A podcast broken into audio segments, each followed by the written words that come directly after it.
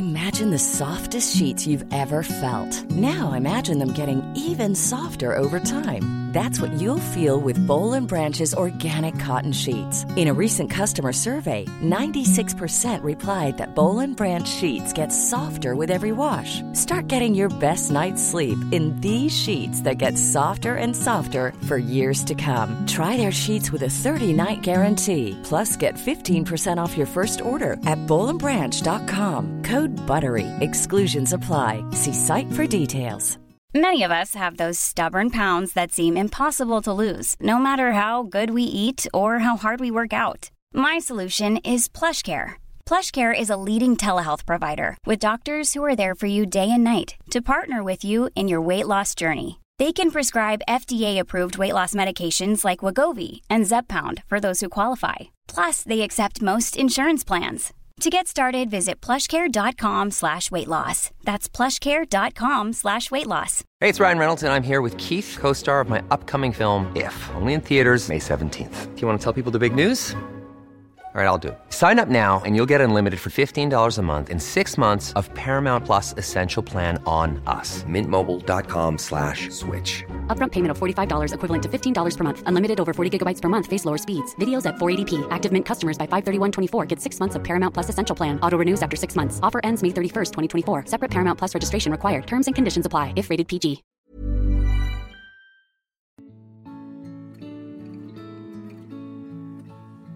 Välkomna tillbaka till podden Utan dig med mig Emily.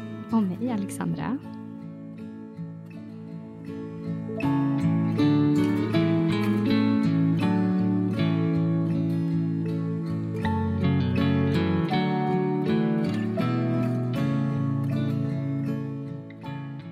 Idag har vi med oss Silla här igen. Som var med i ett tidigare avsnitt och pratade om sin dotter Lisa. Och nu har vi bjudit in dig igen för att du ska få prata om sorg och sorgbearbetning. Ja. Tack för att du vill vara med i till avsnitt. ja, men tack för att jag får komma. Vi har ju tänkt att du ska få berätta lite om eh, sorg. Och sen så har vi efterfrågat frågor av våra följare och lyssnare. Så vi har fått in några här som vi tänkte att vi betar igenom sen. Mm. Lite senare i avsnittet. Men Silla, du ska få ta vid och berätta.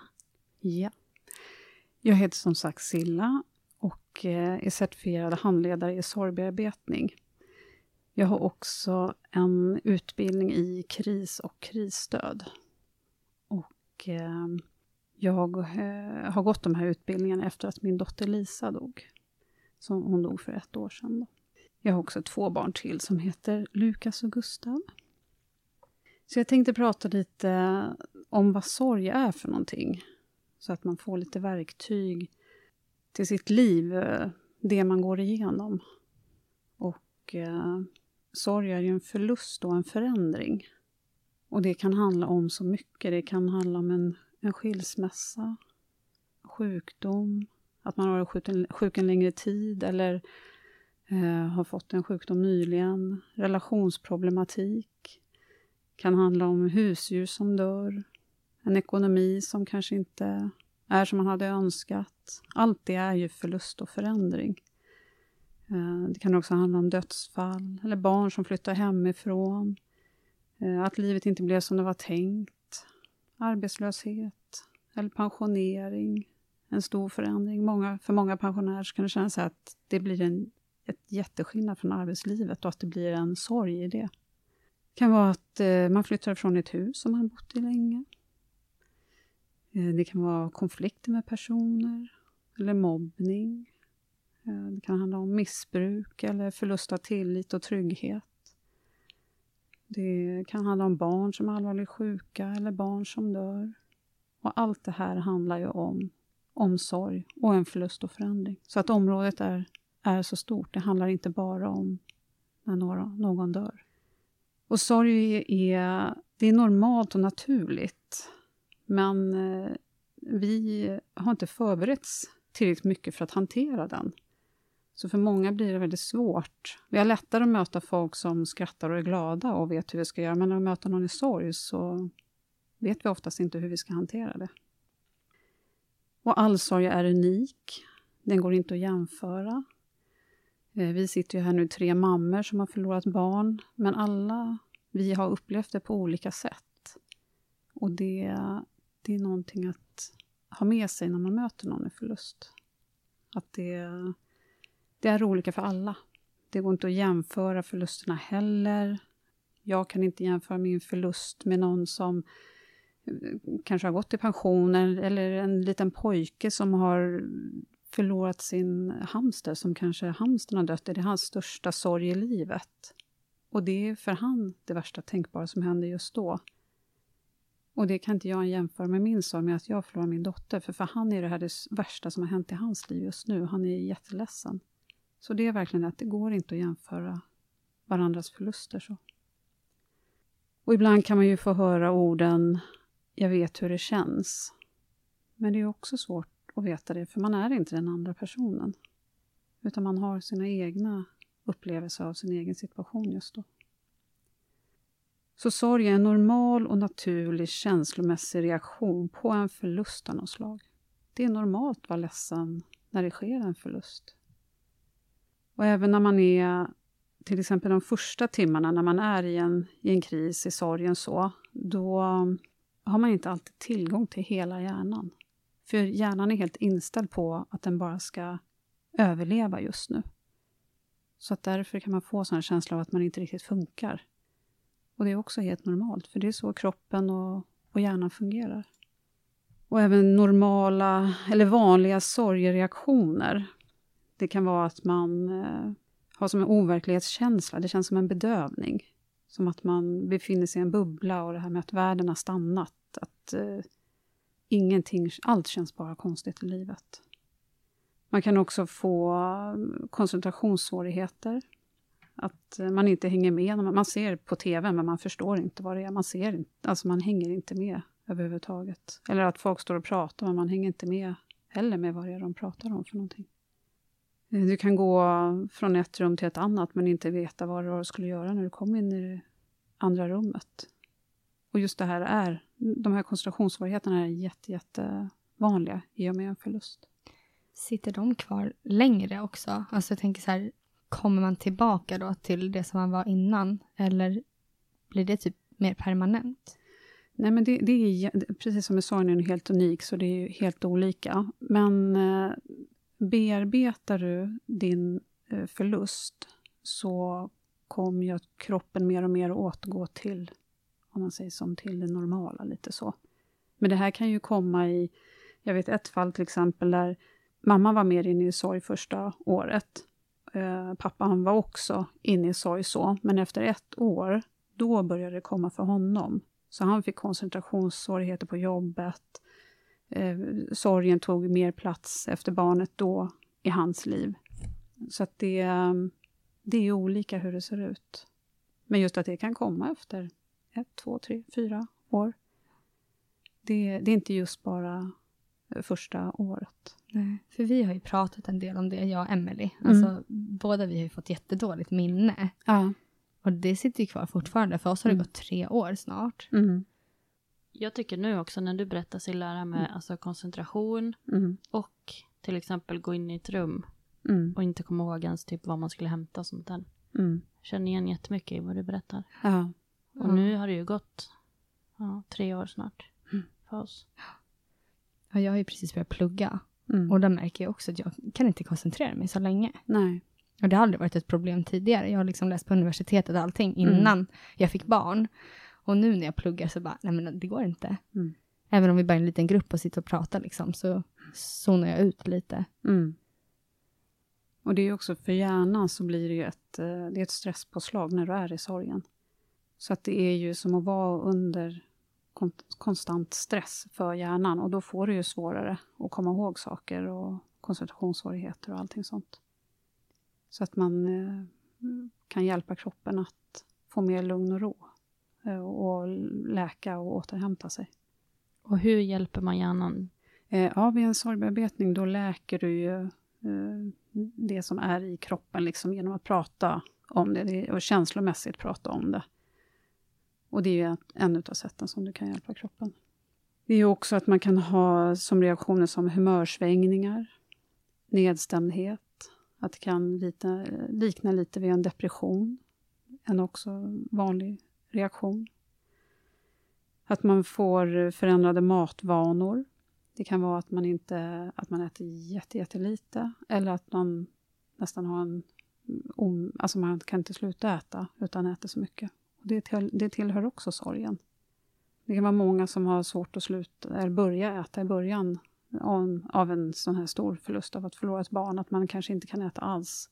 Och att man då får tänka på att försöka få i sig till exempel lättföda som smoothies eller ja, men sånt som inte är jobbigt och sen eh, lättsam mat att göra. Man kanske inte behöver stå i ett tre timmars kok. Så. Men det är jättevanligt med eh, förändrade matvanor. Och även oregelbunden sömn, eh, som att man får jättesvårt att sova. Eller åt andra hållet, att man är jättejättetrött. Och det är en trötthet som inte går att sova bort, utan den, även fast du har sovit jättemycket, så har du den enorma tröttheten. Du kan få fysiska symptom som smärta, ångest, känna en energiförlust. Och det är all, allt det här är väldigt normala sorgreaktioner. Jag tänker på den här smärtan. Mm. Den, kan den sitta var som helst alltså i kroppen? Ja, mm. det kan den göra.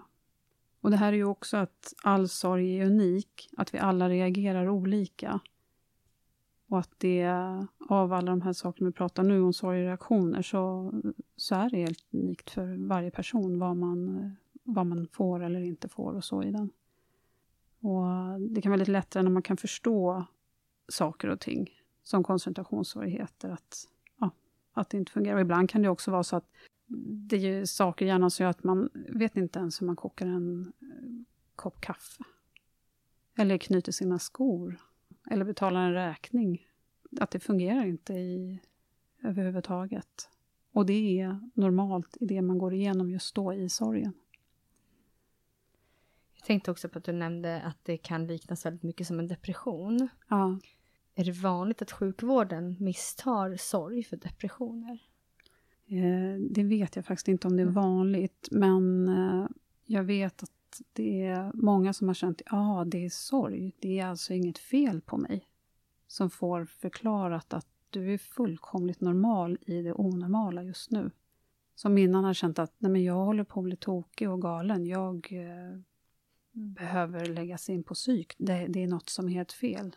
Och då när de får en förklaring till vad det är som händer, eh, hur kroppen fungerar, hur hjärnan fungerar, hur allting är, så blir det lite som en lättnad. Ja, men okej, det, det är normalt. Det, och, och så är det. Det händer så mycket i kroppen vid en sorg. Men skulle du säga att om man hamnar i att man känner sig som att man är deprimerad ja. och eh, får alltså antidepressiva mm. utskrivet, mm. Tycker du att det hjälper att äta sådana då, eller är det bättre att försöka hjälpa hjärnan liksom på andra sätt?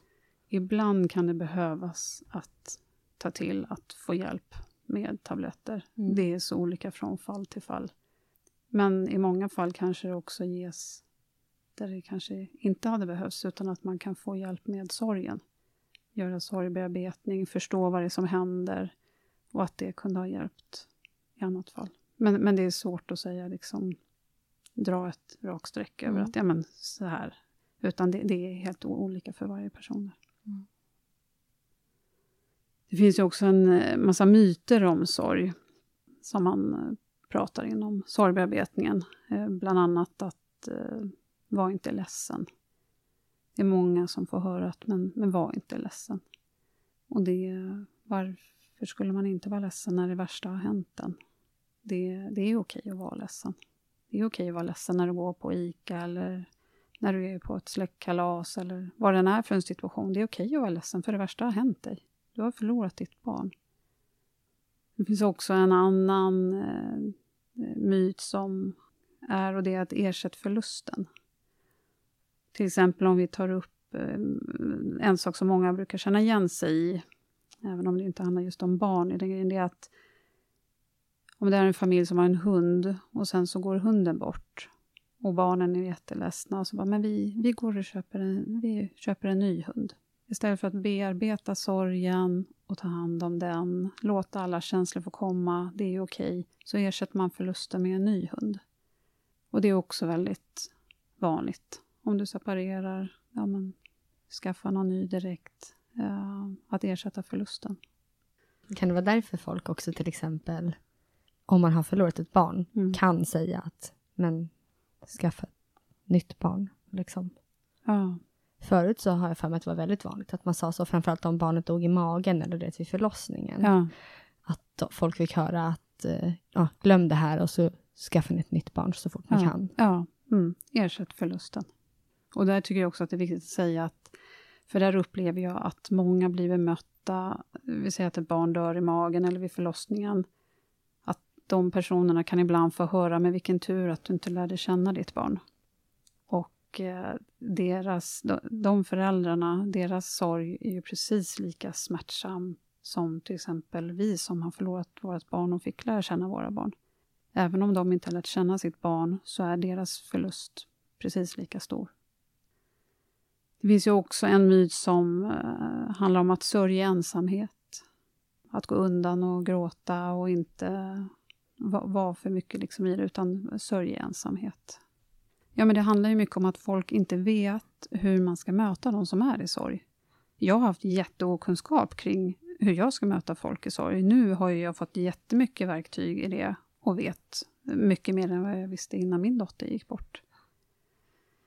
Eh, en annan sak som många får höra är att tiden läker alla sår. Jättevanligt. Men tiden läker inte alla sår, det är vad du gör under tiden. Om du bearbetar så är det en helt annan sak. Men gör du ingenting så går du fortfarande och bär på allting. Så att tiden läker inte alla sår, utan vad du gör under tiden. Och En annan myt som man pratar om är att eh, vara stark. Att till exempel vara var stark för barnen, eller vara stark för din fru eller för din man. Eller, och det behöver du ju inte heller vara. Det är helt okej att vara ledsen. Det är helt okej att inte vara stark. Det är helt okej att ligga och gråta i sängen av förtvivlan över att du har förlorat ditt barn. Du behöver inte vara stark hela tiden. Och En till myt som man pratar om är att eh, håll dig sysselsatt. Jobba, gör saker så du inte tänker på det här. Håll dig sysselsatt. Och alla de här, det, det gör ju inte att man bearbetar det man har varit med om. Kanske också är en jättesvår fråga för dig att svara på, men mm. tror du att det är vanligare med de här myterna i Sverige till exempel, än om man jämför med andra länder? Det känns som att i andra länder så är man mer bekväm med sorg. Mm. Så som jag har hört, alltså finns, jag vet ingen forskning om det här på något sätt, men så som jag uppfattat det, till exempel i USA så är det mer att man möter personen i sorg på ett annat sätt än vad man gör här. Ja, jag är inte expert på området just där, eller har något underlag eller så, eller information om det, men vad jag tänker om Sverige är att vi, precis som du säger, inte alltid riktigt vågar möta folk som är i sorg. Vi har för lite kunskap kring det, vilket gör att vi backar istället, för det, vi vet inte vad vi ska säga eller göra när vi möter någon som är i sorg. Och då backar vi istället. Och då blir den som är i sorg, står där själv och känner sig jätte, jätte ensam. Så jag tror att vi eh, behöver prata mer om sorg, alltså vi behöver lära oss mer om det. Ja, och kanske förstå att det inte är liksom det är ingen läskig sak. Nej. Det är klart det är jobbigt. Mm. Det är jobbigt för alla, men det är ju inte läskigt eller farligt liksom. Nej, nej. Att ta i det. Nej. Och det är just kunskap. Har du kunskap kring sorg så vågar du möta den.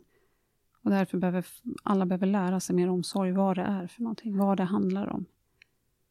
Man kan ju även få som motstridiga känslor, att det är känslor som krockar med varandra lite.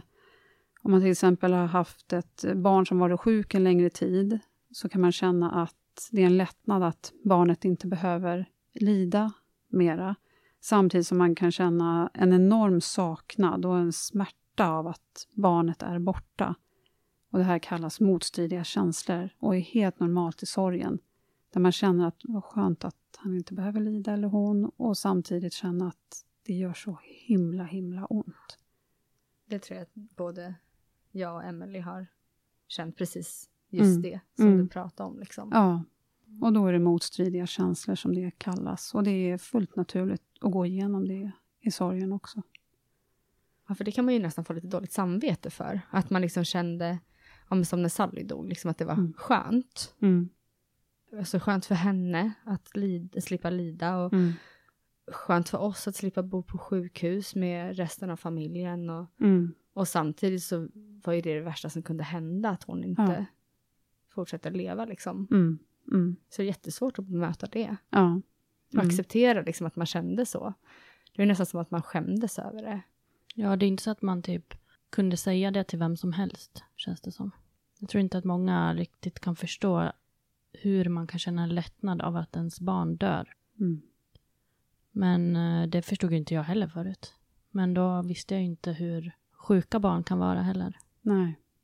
Jag tror att det är mycket som ska till, att man ska förstå hur dåligt barnet var. Alltså det är, det är så svårt att förklara det också. Så här, och det är svårt nästan att komma ihåg hur, hur sjuka de är, för det kan man ju inte se på bild.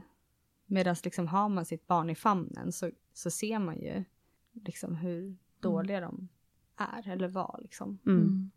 Men jag tror nog att det är en vanlig eh, känsla. Ja, och den är fullt naturlig att känna så i sorgen. Det finns också något som kallas eh, tillfälligt energifrigörande beteenden. Och det är att eh, med sorg, det är väldigt mycket energi i kroppen med sorgen, förlusten och förändringen.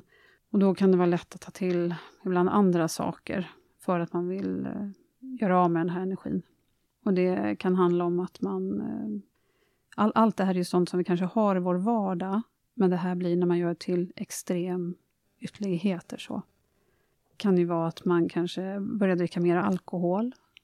Eh, man kanske tar, börjar ta till eh, lite tabletter. Eh, man kanske börjar med mat, äta jättemycket mat eller inte äta mat alls. så. Att man börjar jobba väldigt mycket eller shoppa.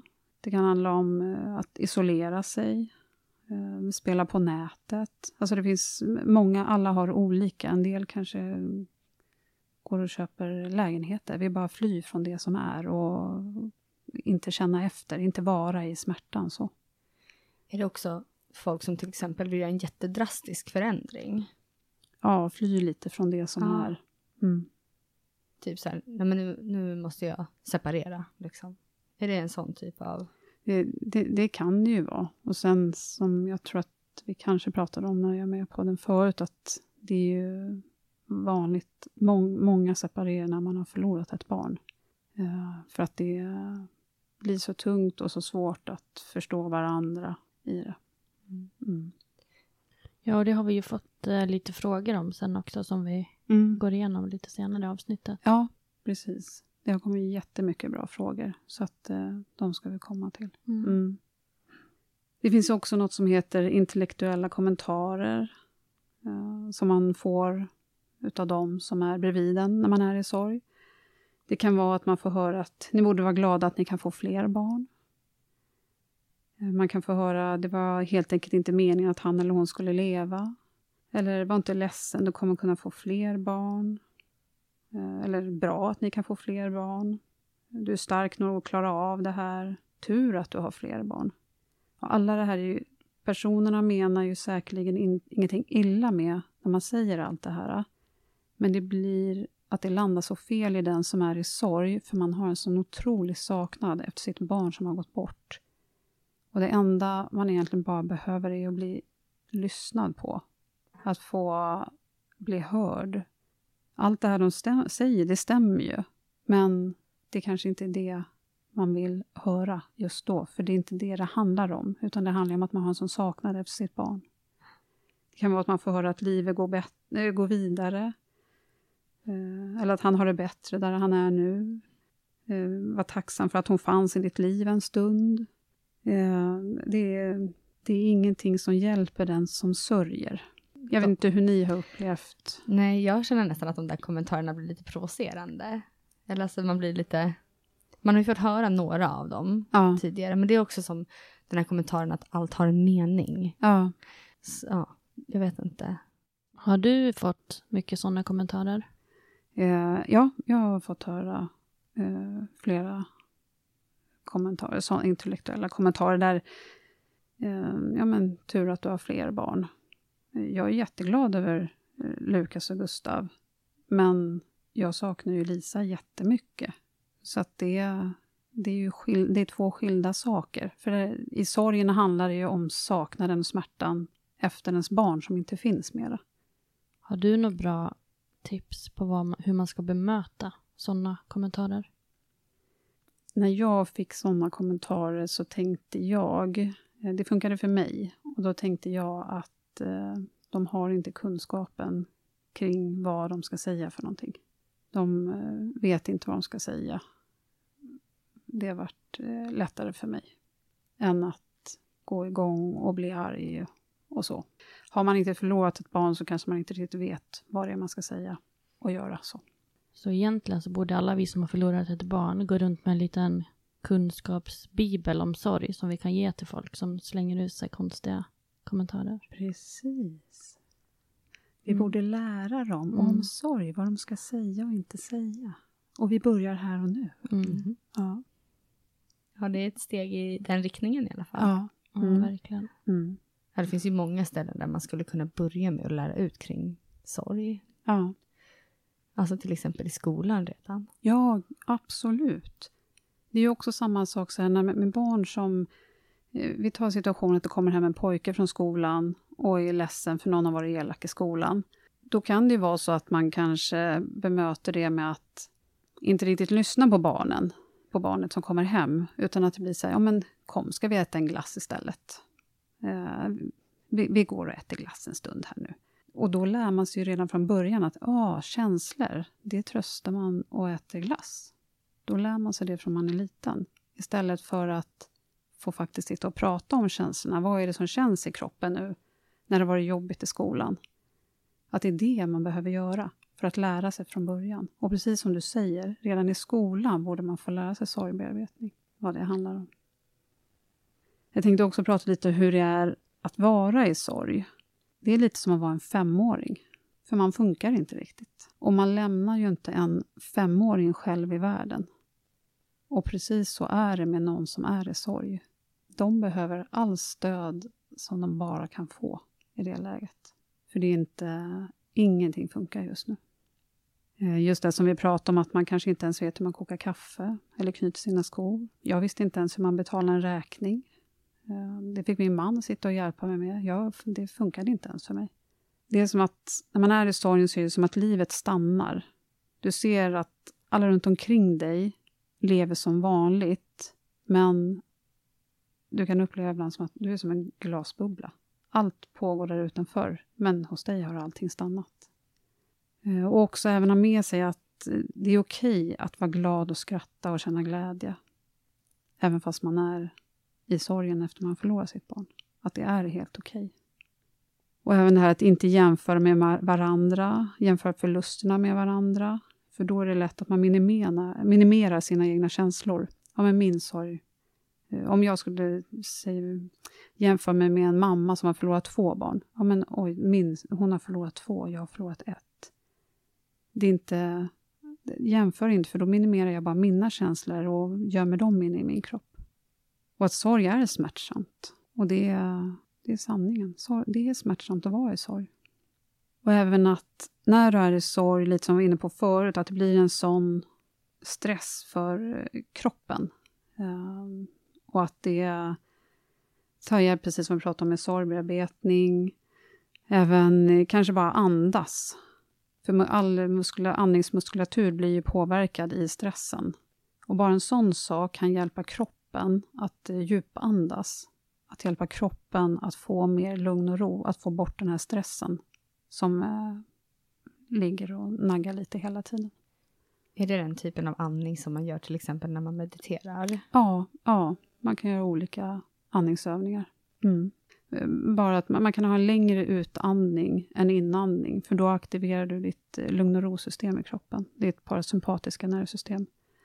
Så man kan göra en enkel grej, till exempel att man eh, andas in och räknar till tre, och när man andas ut räknar man till fem. Då aktiver, om man och gör det i lugn och ro, långa, djupa andetag, då aktiverar man lugn och ro-systemet. Eller att man till exempel bara andas genom vänster näsborre. Det är kopplat till eh, parasympatiska nervsystemet. Just vänster? Ja, Jaha. så då kan du hålla för höger eh, näsborre och sen andas du in och ut genom vänster. Och även tänker där på att ha en längre utandning på där. Och det är ett sätt som du kan hjälpa kroppen. Så att det att ha med sig att det, man är som en femåring när man är i sorg. Man fungerar inte. Men hur länge är man som en femåring då? För det måste ju också vara väldigt individuellt och det Ja. finns ju inget facit. Nej. Men när vet man liksom att man kanske har kommit bort från det där femåriga stadiet? Ja, men när man mer och mer börjar fungera i livet. Eh, När man märker att man klarar av mer och mer så. Men i början så, så är man som en femåring. Men innebär det att man har typ bearbetat sorgen lite mer? Eller har man liksom kommit ur någon slags chock? För jag tänker sorgen kanske inte är mindre för det. Nej, man behöver ju göra en sorgbearbetning för att... Eh, sorgbearbetning handlar ju om att säga allt som inte har blivit sagt till den personen som har gått bort. Och det behöver ju göras för att man ska helt och hållet läkas. Känner du stor skillnad efter att du gjorde sorgbearbetning själv? Ja, det gör jag. Jag känner en jätteskillnad. Eh, jag har gjort sorgbearbetning på Lisa. Eh, hon dog utav en överdos och var i den världen. Eh, och där fanns det ju personer som inte var goda mot henne. Där jag tidigare gick och hade väldigt mycket hemtankar. Vad jag skulle vilja att de utsattes för. För allt ont som de hade gjort. Och eh, det upptog väldigt mycket utav min energi. Eh, Jag tänkte väldigt mycket på det. Sen gjorde jag på en av personerna så, som var mest i mina tankar, gjorde jag en sorgbearbetning. Och med tiden, ja, veckor, månad, då försvann han helt och hållet. Jag funderar inte ens på honom längre. Det är en jätteskillnad för mig. Vad skönt. Ja, det är faktiskt jätte, jätteskönt. Så därför vet jag verkligen vad jag pratar om. Jag har gjort det här sorgbearbetning och jag gör det hela tiden på alla runt omkring mig. Det behöver man inte göra på bara folk som har gått bort och inte lever längre. Utan det kan man även göra på personer runt omkring sig som finns ja, om, omkring levande. Så. Så låt oss säga att man går hos dig på sorgbearbetning. Det åtta gånger. Ja, Får man då så pass mycket bra verktyg att man sen kan göra det själv? Så som du nämner nu att du har gjort sorgbearbetning. Först gjorde du det på Lisa och Mm. att hon dog och sen Mm. så gjorde du det på den här personen. mm. Att liksom, man får så pass mycket verktyg att man kan göra det på en person till eller får man hjälp att göra det på flera personer? Eh, Man kan säga så att under de här, eh, man träffas de här åtta gångerna och då får man lära sig väldigt mycket om vad sorg är för någonting. Så det blir lite som vi pratade om, det blir som en kunskapsbank också, att få lära sig om sorg. Och sen så får man göra en bearbetning på en person. Man väljer själv vilken den är, en död eller levande. Och eh, sen har man då lärt sig metoden, och jag kommer komma in lite längre på själva metoden, hur den är. Sen har man lärt sig metoden lite och det hela går ut på att man sen på slutet skriver ett brev till den här personen. Och det är under, efter en viss metod. Så att gör man det på en till person sen så kommer man till mig igen och bara gör själva brevskrivningen om man säger. Så man träffas inte åtta gånger, då träffas man bara en gång för läsandet av brevet. Är det alltid en person man skriver brevet till? Nej, det kan vara riktat till en händelse eller sak eller en sjukdomstid. Jag har även bearbetat eh, till exempel min dotter och hennes sista år var det väldigt mycket i drogvärlden. Jag har bearbetat det sista året. Eh, du kan även bearbeta till exempel sorgeåret. Det, det kan du också göra. Eller ett hus, om man flyttar från ett hus. Alltså det, behöver, det kan handla om precis vad som helst. Och alla ni som har utbildat er på Mm. Sorginstitutet Ja. använder samma... Alla, alla har gått på eh, Svenska institutet för sorgbearbetning som går enligt den här eh, metoden. Då. Så att det är de, man behöver, ska man göra den här metoden så behöver man ha någon som har gått den utbildningen. Och sen om man, är, eh, om man har ett barn, eh, var väldigt eh, ärliga mot barnen. Och säg till exempel ja, men att någon har dött. Om man börjar sväva runt med ord som att, att någon sover eller att någon har gått bort, då kan det vara så att barnet kanske inte vågar sova. Att man är ärlig och öppen vad det faktiskt är som har hänt, även fast det är jobbigt att säga de orden. Eh, men gör det för barnet, för att barnet ska förstå eh, vad det faktiskt är som händer och så. Jag tänker också så här, även inför begravning, kanske ha med sig några på begravningen som tar hand om barnen som är på begravningen. Om man själv kanske inte riktigt mäktar med, eller om barnet inte mäktar med att vara med kvar in på begravningen, att man har någon person som kanske kan gå med ut i så fall. Eh, även så kan man ju förbereda barnen med att eh, åka till kyrkan eller salen eller platsen där man ska ha ceremonin, så att barnen får förberedas på vad det är man ska någonstans. Eh, man kan även berätta om ceremonin, hur det går till, eller gå och titta på gravplatsen där de ska vara, den personen som har gått bort och dött. Och, eh, berätta liksom överlag hur det kommer gå till. För en del barn kanske tycker att det känns jättejobbigt. En del barn kanske känner att jag vill inte gå på begravningen för det känns så skrämmande och vad, vad är det som ska hända? Men får de förberedas lite och vet lite vad det handlar om så kan det kännas lättare för barnen. Och också att om de vill eh, ja, lägga ner en teckning eller skriva ett kort eller ja, någonting sånt att få lägga i kistan. Och även vara lyhörd inför barnet, att lyssna på barnet, vad den känner och tycker. Och att eh, inte säga orden ”var inte ledsen” eller ”var inte rädd”. För just då kanske det är så barnet känner. Och inte ha bråttom, utan låt barnet få prata. Man kan tänka sig som att man är, inom sorgbearbetning brukar vi prata om att man föreställer sig som att är, man är som ett hjärta med två öron och utan mun. Att man lyssnar. Och så kan man tänka inför barnen. Om de pratar och så, ha inte bråttom. Sitt och lyssna på vad de, vad de behöver säga just då. Och krama om ditt barn och visa att du finns där som stöd och, och håll om. Och även att eh, för barn kan, brukar man säga att sorgen är randig. Att det är nära till både skratt och gråt. Och att det växlar väldigt så. Och även vara ärlig om hur, hur du själv mår. Att det är okej att mamma eller pappa är ledsen. För man saknar det barnet som har gått bort. Och det är helt okej. Då lär man ju också barnet att det är okej att vara ledsen. Att man inte är den som ska vara stark och hålla ihop för barnen. Och sen tänkte jag ta upp lite till den som är bredvid någon som är i sorg. Eh, att ibland kan man få höra eh, jag vet hur det, hur det mår. Och precis som vi pratade om förut, det har man inte en aning om för att din och min sorg är helt unik. Eh, det kan också vara så att någon som möter en sorg säger så här, jag vet inte vad jag ska säga. Och det som händer lite då är att sorgen, om någon kommer till mig och säger, jag vet inte vad jag ska säga, när man har förlorat ett barn, då blir det lite som att fokus tas från mig, som har förlorat mitt barn, och det blir att jag ska hjälpa den lite, för den har inga ord för den vet inte vad jag ska säga.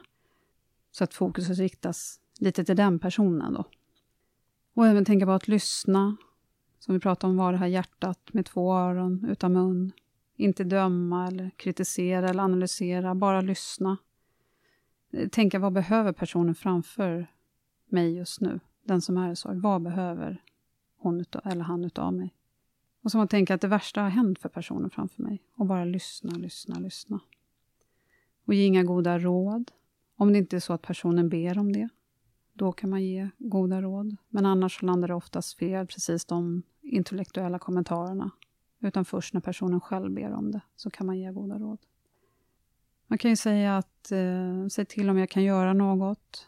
Eh, många orkar kanske oftast inte säga till, eh, men att eh, man även kan gå in och göra någonting, åka och lämna mat, eller som vi har pratat om förut i tidigare avsnitt, att det är något som kan vara väldigt jobbigt att få till matsituationen. Så åk dit med mat. Och finns det barn i familjen, åk dit och lek med barnen. Föräldrarna kanske inte orkar det just nu. Eh, tänk att du inte är där för din skull, utan du är där för den personen som är i sorg just nu. Eh, ha ett varmt bemötande verkligen omfamnande. Jag finns här för dig. När man får ett varmt bemötande så dras stressen ner och känslor kan börja läkas. Och det är det vad man behöver. Och är det så att du är bredvid någon i sorg och inte vet vad du ska säga så kan du till exempel säga att du finns i mina tankar i det du just nu går igenom. Tänker på dig och när du behöver mig finns jag för dig. Det finns inga ord som räcker till. Man kan säga att du har mig bredvid dig i det svåra du går igenom just nu. Det värsta har hänt och inga ord i världen räcker till. Det här är bara så fel. Det är sånt som man kan, om man inte vet, vad ska jag säga till den som är i sorg? Och just som vi var inne på förut med sorgbearbetningen.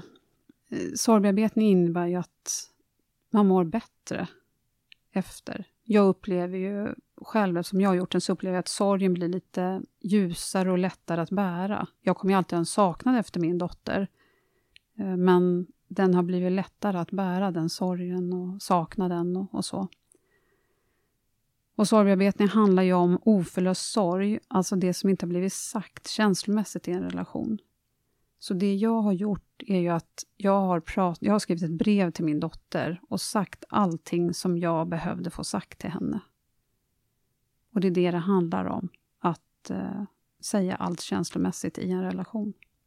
Och det är inget värdering, inget dömande, inget intellektuellt, utan det är känslor.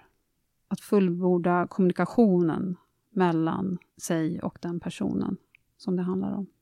Och det är lite som att släppa förhoppningen om en bättre gårdag. Den kan vi ju inte förändra gårdagen, utan den är som den är. Och då släppa förhoppningen om att det skulle vara på ett annat sätt. Och det handlar inte om att personen glöms, utan personen finns ju med fortfarande i resten av ens liv. För precis det tycker jag att det känns lite som. Eller för mig, när du berättar om det här brevet, jag vill typ, jag tänker så här, jag, skulle, jag vill typ inte göra det för det känns lite som att det är ett slags avskedsbrev. Och, och det är ju lite, för du säger adjö, men det handlar om alla känslor som du har. Det är det som du bearbetar och pratar om. För personen du gör det till kommer inte försvinna. Jag har ju gjort det här med min dotter. Hon är inte borta från mitt liv. Men jag har sagt allt jag ville säga till henne, har jag sagt nu. Precis allt. Och läser man upp det här brevet högt då? Ja, då läser man det för mig. Det är efter en viss metod, så då läser man det för mig. Och det som sägs i rummet stannar i rummet, så det är inget som kommer att nås för någon annan. Så. Men jag har hört att det också finns att man kan göra det i grupp. Ja, det kan man göra. Mm.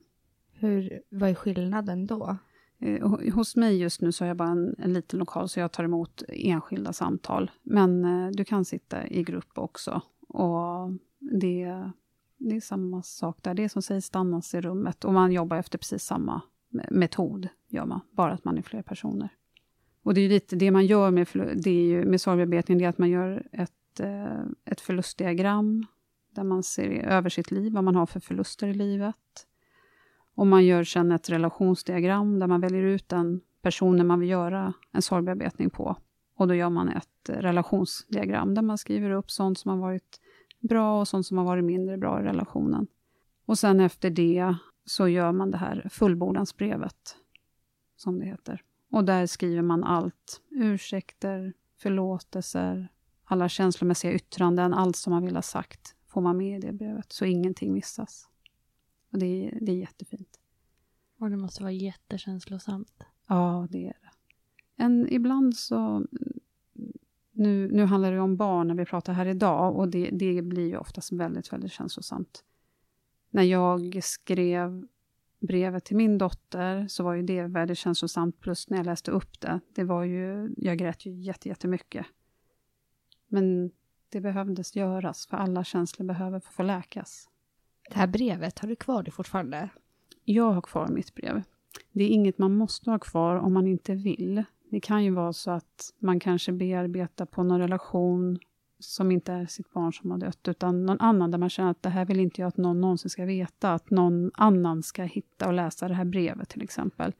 Så att då kan man ju kasta det, om man vill göra det. Mm.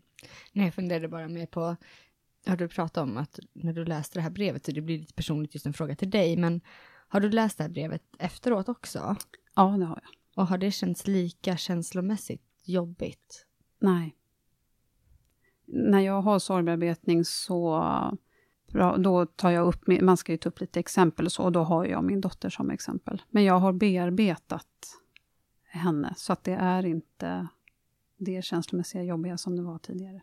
Det är lite som att eh, när man har gjort sen, läst det här brevet, så är det olika hur lång tid det tar innan man känner att det lättar lite. Men det är lite som man brukar säga att det, det, är som att ha en sten i skon och helt plötsligt så märker du att den där stenen i skon är borta, den skaver inte längre. Det har blivit lättare. Det känns ljusare och inte lika tungt. Och det är aldrig för tidigt eller för sent att börja bearbeta sin sorg. Nej, det är faktiskt viktigt att veta. Alltså, mm. Framförallt det här med att det inte är för sent, tänker jag. Mm. För det känns som att folk kanske tror det. Ja, det kan ju vara någon som har gått med en sorg i 30 år som inte har bearbetat det och då bearbetat sorgen. Hade den personen gjort det tidigare så hade man inte behövt gå och må på det sättet. Du pratade ju om att du hade gått eh, både den här sorgbearbetningsutbildningen mm. som sorgbearbetare och mm. kris och eh, krisstöd. krisstöd. Mm. Vad är skillnaden på dem? Sorgbearbetningen är ju den här metoden som man jobbar ut efter. Och kris och krisstöd är ju, var mer övergripande, vad händer lite i kroppen och kanske mer trauma och ja, inriktning åt det hållet. Mera. Så att det, sorgbearbetningar är ju liksom specifika metoden. Då.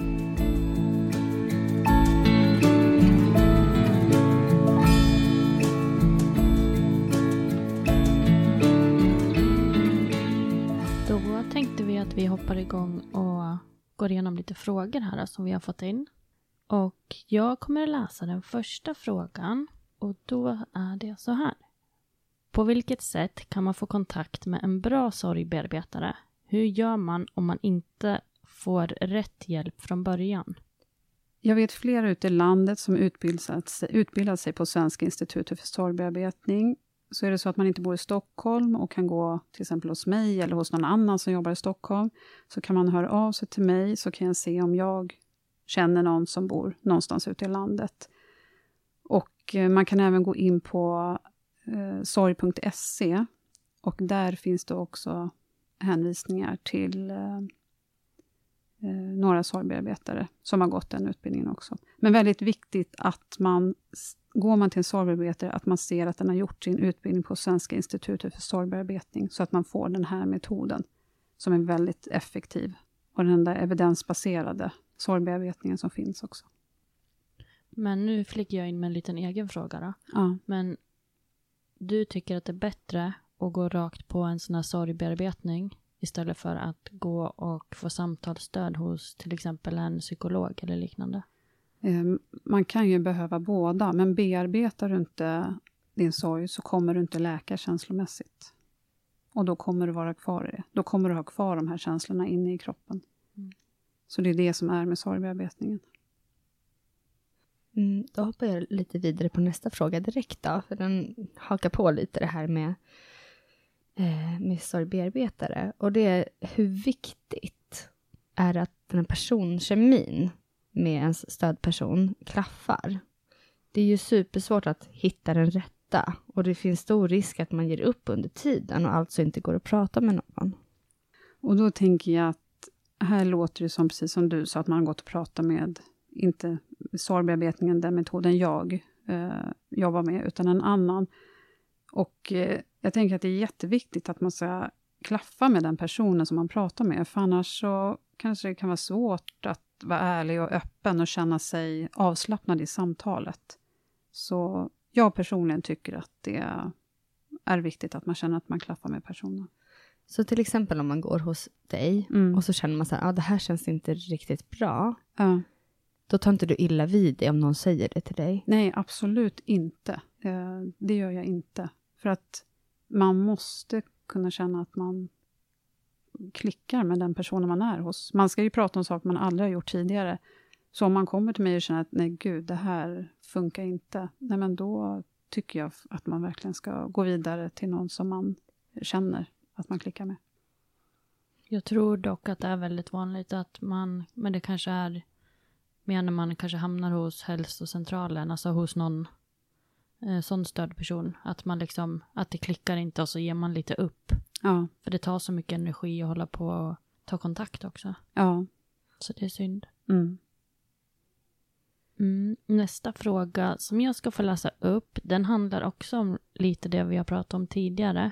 Att hur man ska kunna gå vidare framåt utan att ha dåligt samvete? Ja, det där kan ju vara lite svårt. Eh, men jag skulle säga lite att det handlar om att önska att, att något skulle vara annorlunda, bättre eller mer om. Mer om. Det handlar om så här oförlösta känslor. Mycket av svaren på frågorna kommer ju återkomma till det hela tiden, för det är verkligen det det handlar om många gånger. Så jag skulle göra en sorgbearbetning, för det hjälper att gå vidare. Att få säga allt som inte har blivit sagt till den personen som den har- dåligt samvete för här, så skulle jag göra en sorgbearbetning på den personen. För det är ju väldigt lätt att man säger att man inte ska ha dåligt samvete. Mm. För det ska man ju inte ha. Nej. Alltså, Nej. men just för en själv då, liksom, att man också ska känna det inombords. Ja, mm. ja, att ärligt kunna landa i det. Mm. Att fortsätta leva livet. Mm. Ja, då går jag vidare till nästa fråga. Och det är om du har några råd till föräldrar som sörjer på olika sätt och kanske olika mycket. Ja, jag skulle säga att eh, det är jätteviktigt att prata med varandra. Att eh, inget är rätt eller fel, all sorg är unik, som vi har pratat om tidigare. Till exempel att någon förälder kanske vill vara jättemycket vid gravplatsen, medan en förä- annan förälder vill inte alls vara vid gravplatsen. Och inget är rätt eller fel. Det är rätt för den som vill vara där och det är rätt för den som inte vill vara där. Men att förstå varandras olika sidor i sorgen och acceptera att man eh, har olika i sorgen. Och verkligen prata med varandra. Ha en öppen kommunikation så att man förstår varandra och lyssna på varandra. Lyssnar du på din partner, ja, men tänk- föreställ dig att du är det där hjärtat med två öron. För just nu behöver din partner det och få prata. Så jag skulle säga, prata med varandra. För det jag går och tänker Eh, Min man har inte en aning om vad jag tänker om inte jag säger det till honom. Och jag har inte en aning om vad han tänker om han inte säger det till mig. Det blir mycket lättare om man pratar med varandra så att man förstår varandra. Om man säger att Nej, men det är jättetungt just nu för mig i sorgen, till exempel. Att det kanske är därför ja, vissa saker är just nu. Och så att hela tiden ha en öppen kommunikation med varandra. Mm. Och ibland är det jättesvårt. Ja, man får öva, öva och öva. Mm. Mm, Nästa fråga är, hur farligt är det om man lägger locket på och inte går att prata med någon? Om man lägger locket på och inte pratar med någon, då kommer du ha alla känslor kvar inom dig.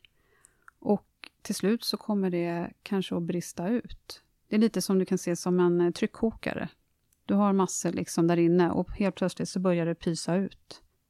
Så att det eh, bearbeta det du har varit med om. Och när du menar med pysa ut, vad Mm. tänker du på då? Jag tänker att med tiden så blir det så mycket känslor. För det här, det kanske inte är enda förlusten i livet. Det kanske har varit förluster tidigare och det kommer komma förluster i livet. Och ju mer det fylls på hela tiden och om man bara lägger locket på hela tiden, så till slut brister det ju. Då finns det inte mer kvar, plats kvar där inne. Så att lägga locket på är ingen eh, jättebra sak för kroppen. Mm, Det är också lite svårt för att eh, man kanske inte känner själv att man riktigt har locket på. Nej, Eller att det fylls på liksom. nej.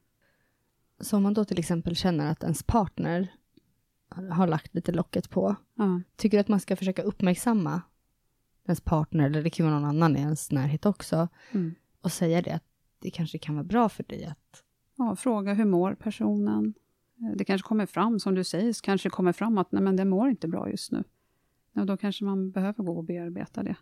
För att det är mycket som har kommit upp nu. Och som vi pratade om tidigare, det kan komma upp efter ett, två, tre, fyra, fem år. För att man inte har lyssnat på kroppen innan så. Och be- bearbetat. Eh, Jag hoppar på nästa här då. Och det är eh, sorgens olika faser. Stämmer det att det är så? Nej, det stämmer inte. Vi går inte olika faser. Det är mer som att vi böljar fram och tillbaka. Det här kommer ifrån att man fastställde i samband med personer som var döende i en allvarlig sjukdom. Det var då man tog fram det här med faserna. Men det har inte med att göra när en person har gått bort och har dött. Så att det stämmer inte, man är inte i de olika faserna. Det är så man ser det nu. Mm. Mm. Så det är lite uråldrigt? Ja, liksom. ja, ja det, det stämmer inte. Och för en del kan det vara jätteskönt att få höra att det inte stämmer, för en del känner inte igen sig. Till exempel kan någon komma och säga så här, men jag känner inte igen det här att jag är i förnekelse, jag vet att min, mitt barn har dött.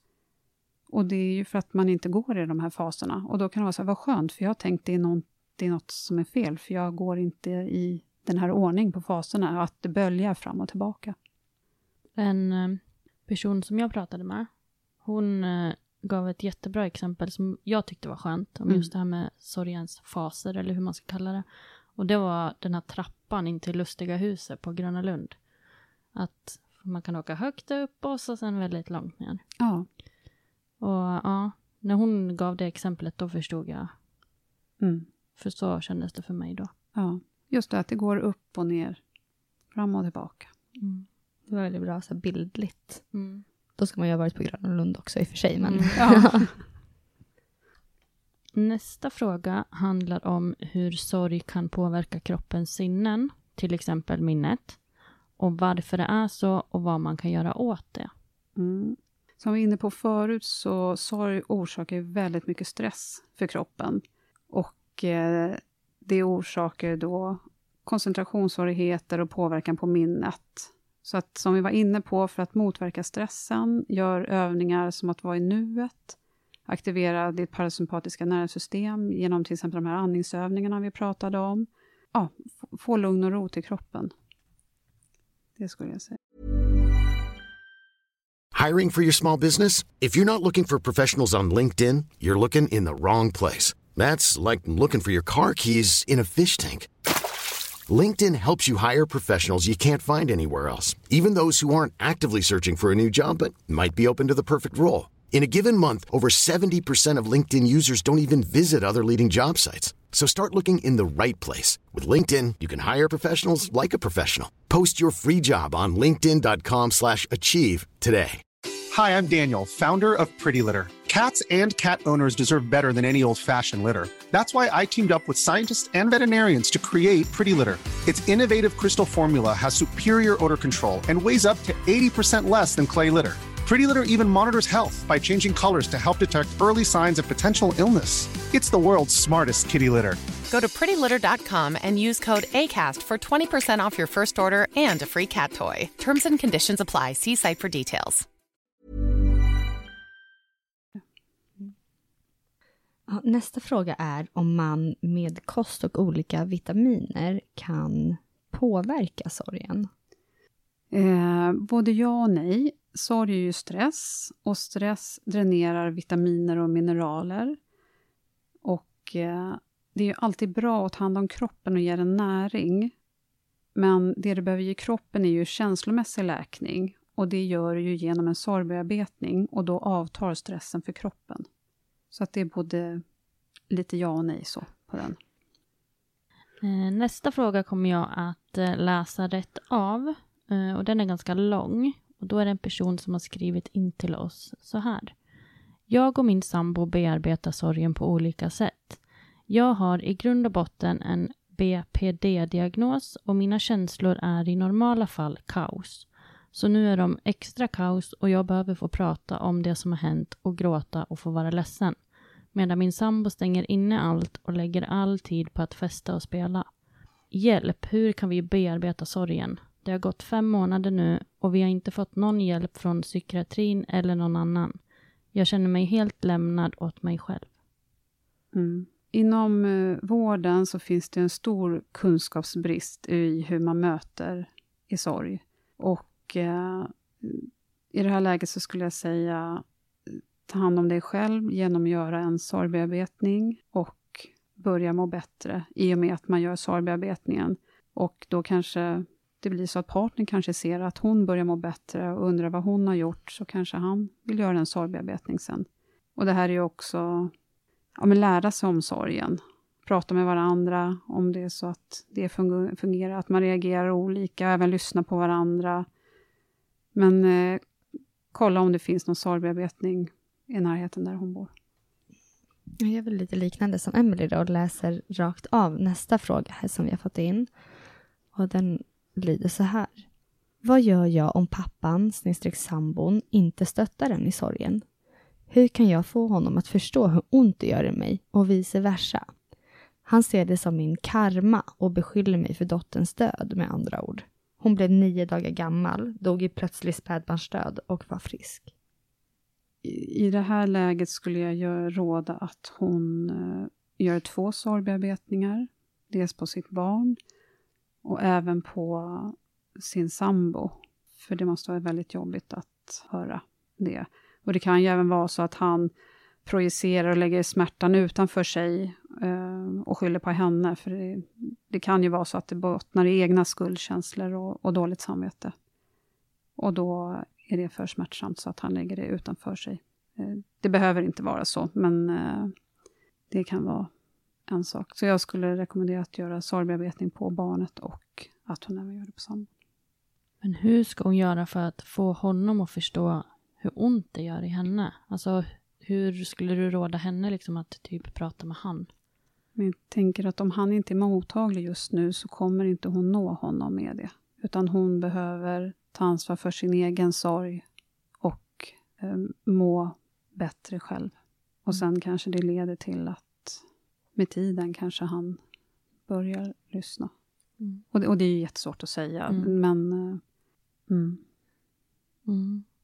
Vi har fått in ganska många frågor om just det här med partners och mammor och pappor. För här eh, är en till. Och den frågan lyder så här. Min partner vill inte prata om vårt gemensamma barn som inte lever längre. Han säger även att han inte tänker på barnet. Men han tänker på de andra två barn som vi har tillsammans. Hur bemöter jag detta?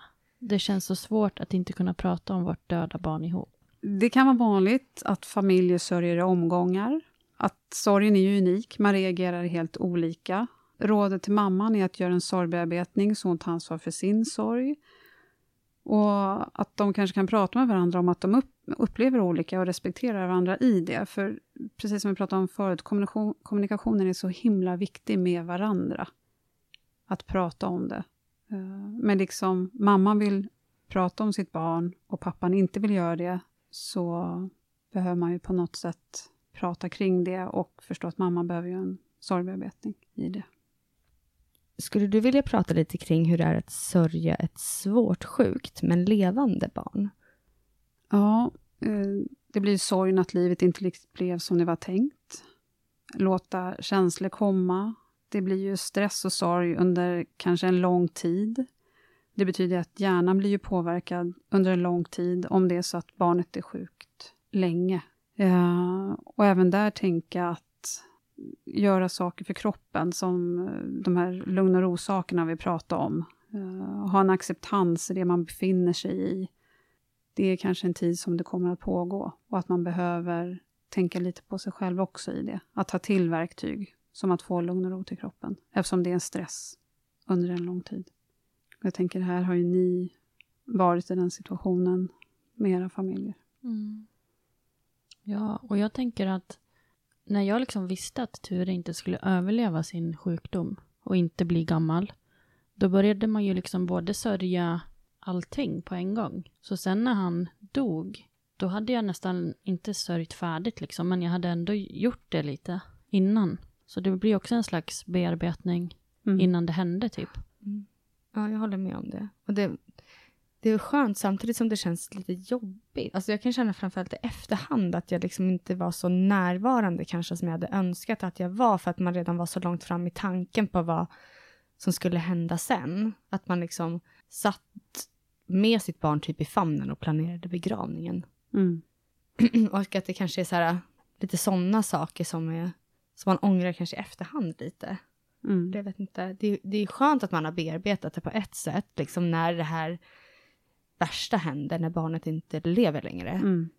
Men det är också jättejobbigt att man inte tog tillvara på tiden mer. Mm. Det är lite det här att vara i nuet. Exakt. Mm. Och det var ja. typ för smärtsamt ibland, kunde jag känna. Att vara i nuet alltså. Mm. Mm. Och man ska ju inte jämföra, eh, men ändå gör man ju det lite grann. Och jag tänker att de som förlorar ett barn kanske i en plötslig olycka eller liknande, de har ju inte alls hunnit fundera någonting på till exempel begravning eller sådana saker. Och det hade ju vi ändå fått lite vetskap om hur sånt skulle fungera och sånt. Mm. Så det var ju jätteskönt tycker jag. Ja, och vi, vår situation är kanske också lite extra speciell eftersom att vi båda bodde på hospice. Mm. Så där jobbar man ju med allvarligt sjuka och döende barn. Mm. Så personalen där är ju väldigt kunnig kring just döden Mm. och det som händer innan och efter och, och sådär. Och hjälpte ju oss att förbereda oss redan innan. Mm. Och hjälpte oss att göra jättemycket minnessaker och Mm. sånt. Mm. Och tänka på kista och vad vill ni ha i kistan? Ska den se ut på något särskilt sätt? Och mycket sånt. Och så hade vi dessutom varandra. Vi satt ju liksom och pratade. Bland våra första konversation var ju liksom kring begravning, kremering eller, eller liksom jordfästning eller liksom Mm. hur vi ville ha det. Så vi har ju gjort det tillsammans liksom. Mm. Mycket. Och samtidigt så är det ju verkligen ingenting man vill alltså befinna sig i och se sitt barn så sjukt och nej. Det är ju verkligen, det är ju som två typ olika sorger. Mm. Ja, det blir det ju. Mm. Men att, eh, att livet blir ju inte som, som det var tänkt. Och som göra en sorgbearbetning på det kan man göra. Och även på barnet. Och sen också som du nämnde att eh, någonstans försöka hitta någon slags acceptans i det. Ja. Och det är nog ganska svårt för vissa att hitta just den. Mm. Acceptans för Ja, att livet inte blev som det skulle och att man befinner sig där nu med sitt sjuka barn. Mm. Mm. Med acceptansen så blir det ju lugnare inombords. Du behöver inte strida. Utan det blir lugnare. Och då kanske man kan alltså vara mer närvarande och i nuet på ett annat sätt. Ja. Eh, Nästa fråga handlar om sjukvården. Då är det en person som har skrivit in och undrar hur sjukvården skulle kunna stötta bättre till föräldrar med döda eller sjuka barn. Jag skulle säga genom kunskap, att sjukvården lär sig vad sorg handlar om och eh, hur man möter de som är i sorg. Att utbilda personal, till exempel ta dit en sorgbearbetare som kan ha en föreläsning för personalen. Så att de vet vad det är eh, sorg handlar om för någonting. Så de får kunskap kring det. Nästa fråga är, hur ska man tänka med små barn och sorg när mamma och pappa är ledsna om man ser att det påverkar dem? Eh, Jag skulle säga att vara ärliga. Det är okej att vara ledsen. Och att det liksom är okej, för det värsta har ju hänt. Det är ju jobbigt att vara i den här situationen, men ha en acceptans kring det också. Att vi är här nu och barnen kommer att se oss ledsna. Det är inget som man kan eh, ändra på i det läget. Att barnen ser liksom, föräldrarna ledsna, Mm. Kan man inte också se det som att de lär sig lite om sorg då? Ja, att det är okej att vara ledsen. Mm. För om, jag, om man hela tiden går och ska vara stark och hålla ihop, då börjar ju barnen också lära sig det. Men det är ju okej att se mamma eller pappa ledsen. De kan lära sig Ja, av att se ens föräldrar ledsna. Och Ja, att det inte är farligt, men det kan vara jobbigt. Liksom. ja, Men det är ju jätteofta som till exempel om ett barn ramlar och slår sig. Man säger ju upp och hoppar, det gick bra. Alltså, ja. Och då istället kanske fråga, hur känns det? Jag förstår att du blev ledsen, det där Mm. gjorde ont. Att möta upp barnet i det. Mm. Nästa fråga är, kan det ta hur lång tid som helst? Det vill säga att man liksom inte blir klar fast åren går för man har liksom fastnat i sorgen på något sätt. Ja, sorgbearbetning handlar ju om att fullborda sin kommunikation till den eh, andra, som i det här fallet är ett barn då. Och eh, man jobbar ju med oförlösta känslor, känslorna som du går och bär på inne i kroppen. Och om du inte har gjort någon sorgbearbetning, då har du kvar alla känslor i den här kroppen. Då kan du ju gå med dem där i 20-30 år. Så um, gör en sorgbearbetning så att du förlöser alla känslor som du har där inne. För annars går du kvar och bär på allting. Det kanske inte är så, men det känns lite som att det är någon slags myt också att ja, men ju längre tiden går, Mm. att, liksom, att sorgen ska bli mindre. Men det blir den ju inte. saknaden kommer ju aldrig försvinna efter ditt barn. Du kommer ju alltid sakna Mm. ditt barn. Men den blir, när du gör en sorgbearbetning så blir den lite ljusare och lättare att bära. Men det är typ som att andra folk tror att, att det liksom försvinner. Ja, och det är ju okunskap igen. Att folk inte vet. Eh, De kanske inte har varit i samma situation och förstår hur det är och har okunskap kring sorgen, hur den fungerar.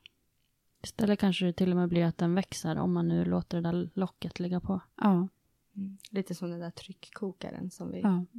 pratade om tidigare. Mm. Ehm, Nästa fråga är eh, hur kan man lättast hantera de som inte möter en i sin sorg efter att man förlorat sitt barn? Det är ju återigen det här med okunskap, att någon inte vet hur man ska möta någon som är i sorg. Och man kan inte ta ansvar för någon annan människa, utan man kan ta ansvar för sig själv genom att bearbeta sin sorg, få kunskap kring sorgen och kanske förstå att den som är framför dig har en kunskapsbrist i det här, för den vet inte hur den ska hantera. Eh, om man säger, jag vill ju aldrig sluta prata om min dotter Lisa. Jag vill ju alltid prata om henne. Jag vill ju inte att det ska vara som att hon aldrig har funnits. Men det här kanske inte någon kan förstå som inte har varit i, i min situation. Och då kanske man ibland också eh, får prata med folk och förklara vad man själv, eh, vad man själv vill och tycker och så.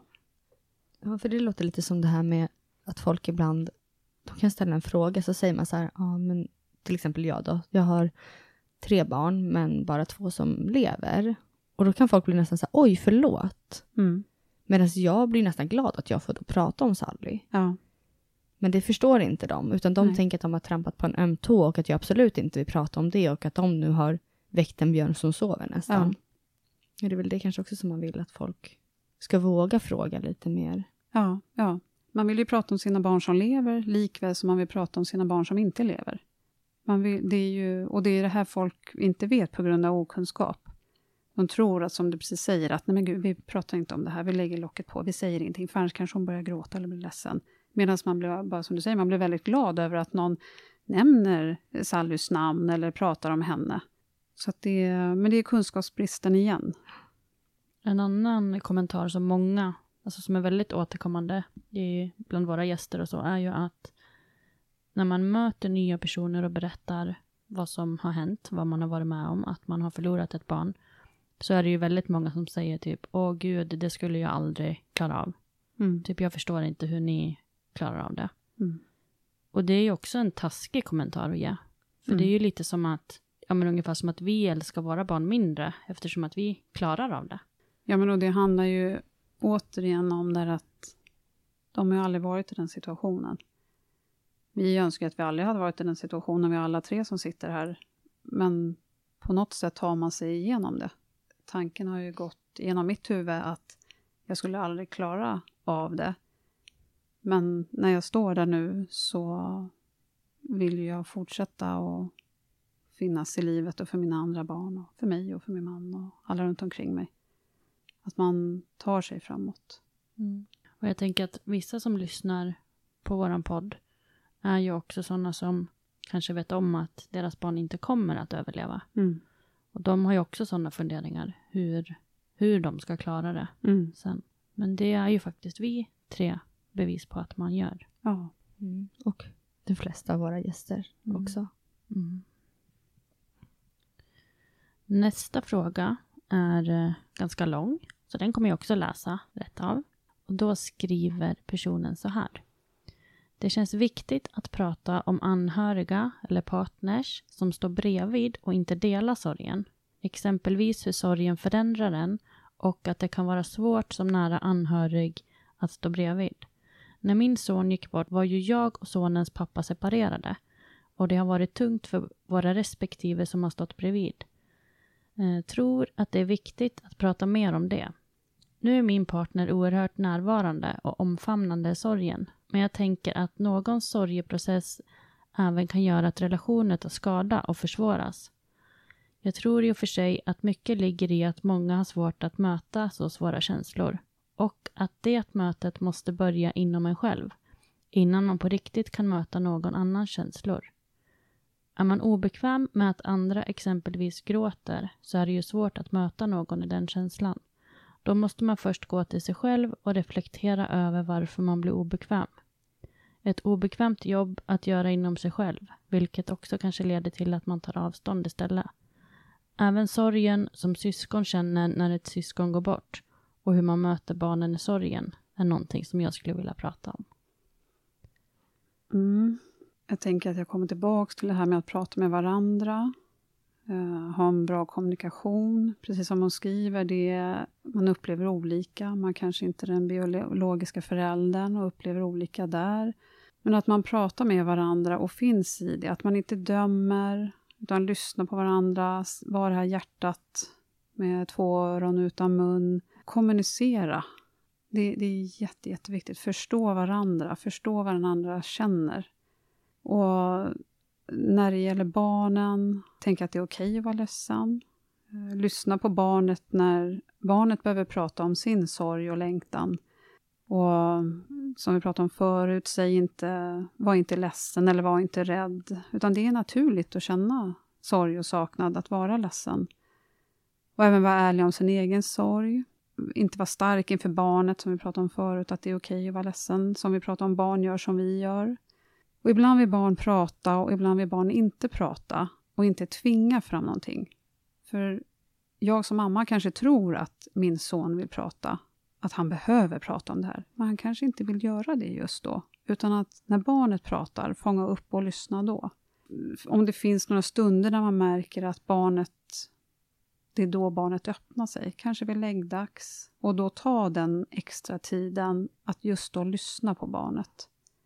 Att om det är då som barnet öppnar upp sig, inte rusa iväg och gå natt och hej då, utan faktiskt stanna upp och prata för att du märker kanske att det är just då som tiden för det, den känslor kommer. Jag tycker också i den här frågan att det är hon har ju ändå nämnt ganska mycket om det här med sorg, alltså sorgbearbetning, fast ja. hon kanske inte har förstått det själv. Mm. Just när hon nämner det här med måste börja, alltså arbetet eller mötet där måste börja inom en själv. Ja. För det är mycket det som du har pratat om nu. Ja. Att du måste liksom börja med dig själv någonstans, för du kan inte påverka någon annans känslor. Nej, du kan inte påverka någon annans val eller vad den väljer att göra i sorgen, utan du kan ta ansvar för din sorg, vad du väljer att göra i sorgen. Eh, sen har vi fått en till fråga här gällande de här faserna som vi nämnde lite tidigare. Mm. Eh, och om alla går igenom alla faser. Eh, och den här personen är rädd för när chocken lägger sig och vem den personen blir då. Mm. Eh, som jag sa med faserna så är det mer som att det böljar fram och tillbaka. Och sen är det ju även så att jag tänker lite att man är en annan person än när ens barn fanns med i livet. Och att ha en acceptans kring det också. Att det är lite annorlunda just nu. Inte behöva vara rädd i det, utan följ med. Liksom. Var följsam med det som kommer och det som känns, det som är. Mm. Här är det en person som skriver någonting som jag också tror är ganska vanligt. Och det är, jag har svårt att sluta vara bitter över min förlust. Hur finner man kraft att orka framåt? Bitterhet kan ses lite som frusna känslor, som frusen sorg. Och eh, öppnar du upp dem och låter dem komma fram genom en sorgbearbetning så kommer det att kännas bättre. För då har allt blivit sagt, alla känslor som finns där inne. Eh, här är en person som har frågat hur bemöter man människor som inte vill vara med om en sorg? Jag upplevde att folk drog sig undan. Och Det är ju också jättevanligt, för folk vet inte hur man ska bemöta någon. Så återigen är det här med kunskapsbristen.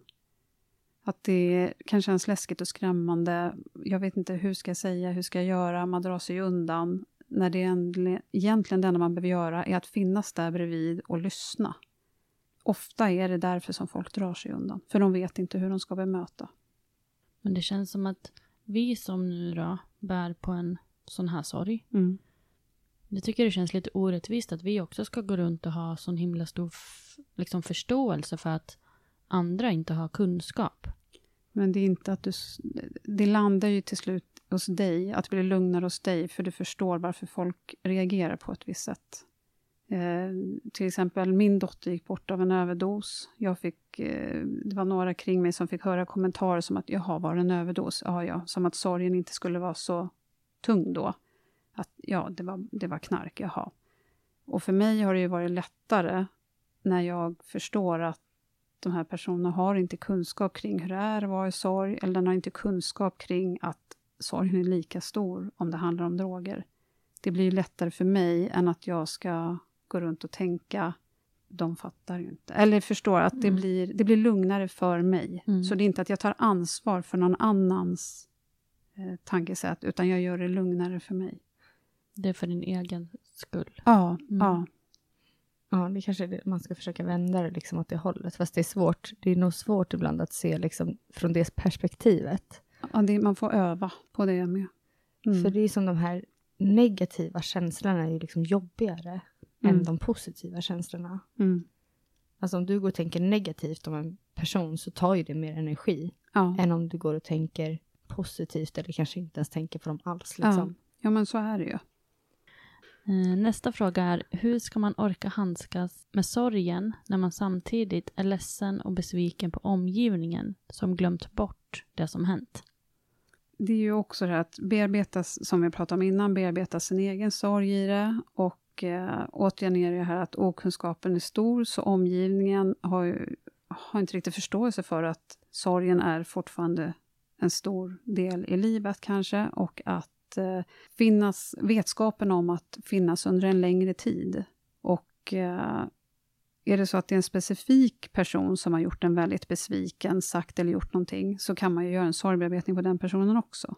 För att lätta på det man själv går och bär på för att man är besviken och ledsen på de andra som inte förstår. Och det är ju återigen det här att sorgen kan finnas kvar så länge. Man kan få en reaktion så långt tid efter, som vi pratade om, ett, två, tre, fyra, fem år. Och att omgivningen behöver veta det. Det kan vara en pappa som vars sorg kommer upp efter ett år och han har sådana koncentrationssvårigheter på jobbet. Och arbetskamraterna tycker att ja, men, de förstår inte att det här handlar om att han inte riktigt är med på jobbet nu för att sorgen har kommit för honom nu. Och att man verkligen behöver lära ut det till folk, att den finns med så pass länge. Så det är tillbaks till det att eh, okunskapen är så stor på hur man bemöter någon som är i sorg. Sista frågan som vi har med eh, hänger ihop lite med det här med bitterheten som vi pratade om förut. Och det är att, eller frågan är, är det normalt att känna sig bitter och avundsjuk på hur enkelt andras liv uppfattas? Eh, Det var lite som vi var inne på där innan, att bitterheten ses lite som frusna känslor och att då bearbeta det och bli fri från det så att det blir mjukare och lenare inombords. Och det gör att eh, det blir lättare i ens eget liv. Men jag tror absolut att det är normalt att känna så. Att Absolut. Det är, så. det är många som känner så. Och samtidigt så vet man ju inte vad de där normala, i situationstecken, familjerna har varit med om heller. Nej, man har inte en aning. Inte en aning vad de går igenom. Jag tänkte lite på saknad och sorg. Mm. Är det för dig stor skillnad på de två grejerna? Jag har ju alltid en saknad efter min dotter. Hon fattas ju varje dag i mitt liv. Och det är såklart att jag kan känna en sorg över att det blev som det blev. Men jag har också en acceptans kring att det har blivit så här. Som gör att det blir eh, mjukare och lenare. Men känner du nu att du mer bär på saknaden än sorgen? Jag känner nog mer att jag eh, tänker på allt härligt som vi hade, alla fina minnen. I början utav min sorg så var det mer svart. Det var mer eh, allt som vi hade gått igenom, allt hon hade behövt gå igenom, allt jobbigt. Medan jag nu mer är i det som vi hade som var väldigt fint. Och är det resultatet av din egen sorgbearbetning? Ja, det är så jag upplever för mig. Jag tänkte, nu närmar sig ju slutet lite, så jag tänkte om jag kan få skicka med fem tips till de som är bredvid någon i sorg. Och då tänker jag, nummer ett, fundera på vad personen framför dig behöver just nu. Det handlar inte om ditt egna behov, utan vad behöver personen framför dig just nu. Nummer två är att lyssna. Se dig själv som ett hjärta med öron utan mun. Nummer tre är att finnas med under en lång tid. Efter begravning, bouppteckning, första, andra, tredje, fjärde, femte, sjätte året. Finns med under en lång, lång tid och lär dig om sorgen och förstå att det behöver finnas med under en lång tid. Nummer fyra är laga och handla mat till den familjen som är i sorg. Och nummer fem är om det finns barn i familjen, åk och lek med barnen. Är det kanelbullens dag, åk förbi med några kanelbullar. Är föräldrarna i det läget där de har en stor sorg just nu så kanske de inte ens tänker på det och det kanske blir en jätte, jättehöjd punkt för barnen att få en kanelbulle på kanelbullens dag. Eller någon annan uppmärksamhet så. Och fem meningar till dig som är i sorg. Att du är normal i det onormala. Det värsta har hänt dig just nu. Och du är normal i det onormala. Nummer två är att ha hjälp och be om hjälp av vänner och familj, sorgbearbetare. Nummer tre att andas långa djupa andetag för att hjälpa kroppen att få mer lugn. Så att det inte bara aktiverar stress i kroppen.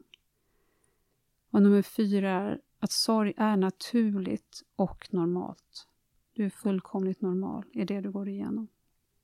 Och nummer fem är att det är okej okay att vara glad och skratta och känna glädje. Även fast ni har varit med om det värsta. Det är helt okej okay att vara glad och skratta. Och är det så att man vill komma i kontakt med mig så finns eh, jag i Stockholm om man vill göra sorgbearbetning. Jag vet också många andra som jobbar med det i Stockholm om det är så att man vill eh, komma i kontakt med någon annan. Jag har även kontakter ute i Sverige om det inte är så att man bor här i Stockholm. Om det är så att man eh, vill få hjälp att komma i kontakt med någon. Mitt företag heter Sillas hälsorum med Z på slutet med Sillas. Och jag finns på Boka Direkt och Facebook och Instagram. Man kan även få skriva mejl till mig om, om man vill det. Och då är det silla, sillas med Z, halsorum.se. Och jag tänker också att på Svenska institutet för sorgbearbetning har en bra sida som heter sorg.se där man kan lära sig och läsa mer om sorg. Och där finns det också eh, några sorgbearbetare som finns i eh, Sverige som eh, är uppskrivna där. Och så tänkte jag några sista ord. Det enkla är ibland det svåra, att vara bredvid någon och vara tyst och lyssna. Att bara landa i det, att vara bredvid och tyst och lyssna. Ja, jättefint och jätteviktigt. Verkligen. Och eh, vi kommer ju dela Sillas kontaktuppgifter eh, på våra sociala kanaler. Och vill man så kan man skriva till oss också eh, i meddelanden eller mejl och så kan vi skicka det vidare till Silla annars mm. också. Och är det så att man känner att man har skrivit in någon fråga och inte vill känna att man vill prata mer om det så får man ju jättegärna höra av sig till mig. Så upprättar vi en kontakt där och pratar med varandra. Tusen tack Silla. Ja, tack. Mm. Tack för att jag fick komma och vara hos. Mm. Tack för att du kom.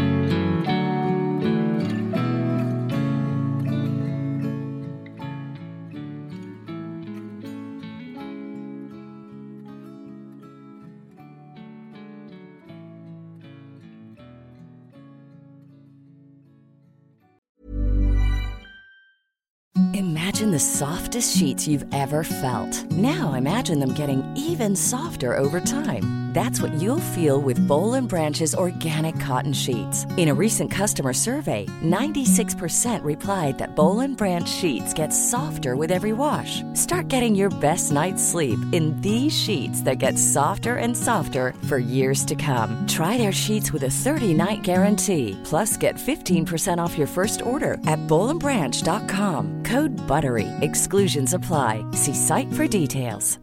Hi, I'm Daniel, founder of Pretty Litter. Cats and cat owners deserve better than any old-fashioned litter. That's why I teamed up with scientists and veterinarians to create Pretty Litter. Its innovative crystal formula has superior odor control and weighs up to 80% less than clay litter.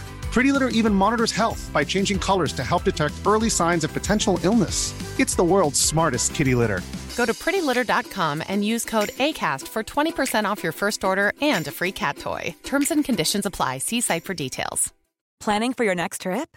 Elevate your travel style with Quince. Quince has all the jet setting essentials you'll want for your next getaway, like European linen, premium luggage options, buttery soft Italian leather bags, and so much more. And is all priced at 50 to 80% less than similar brands. Plus, Quince only works with factories that use safe and ethical manufacturing practices. Pack your bags with high-quality essentials you'll be wearing for vacations to come with Quince. Go to quince.com/pack for free shipping and 365-day returns.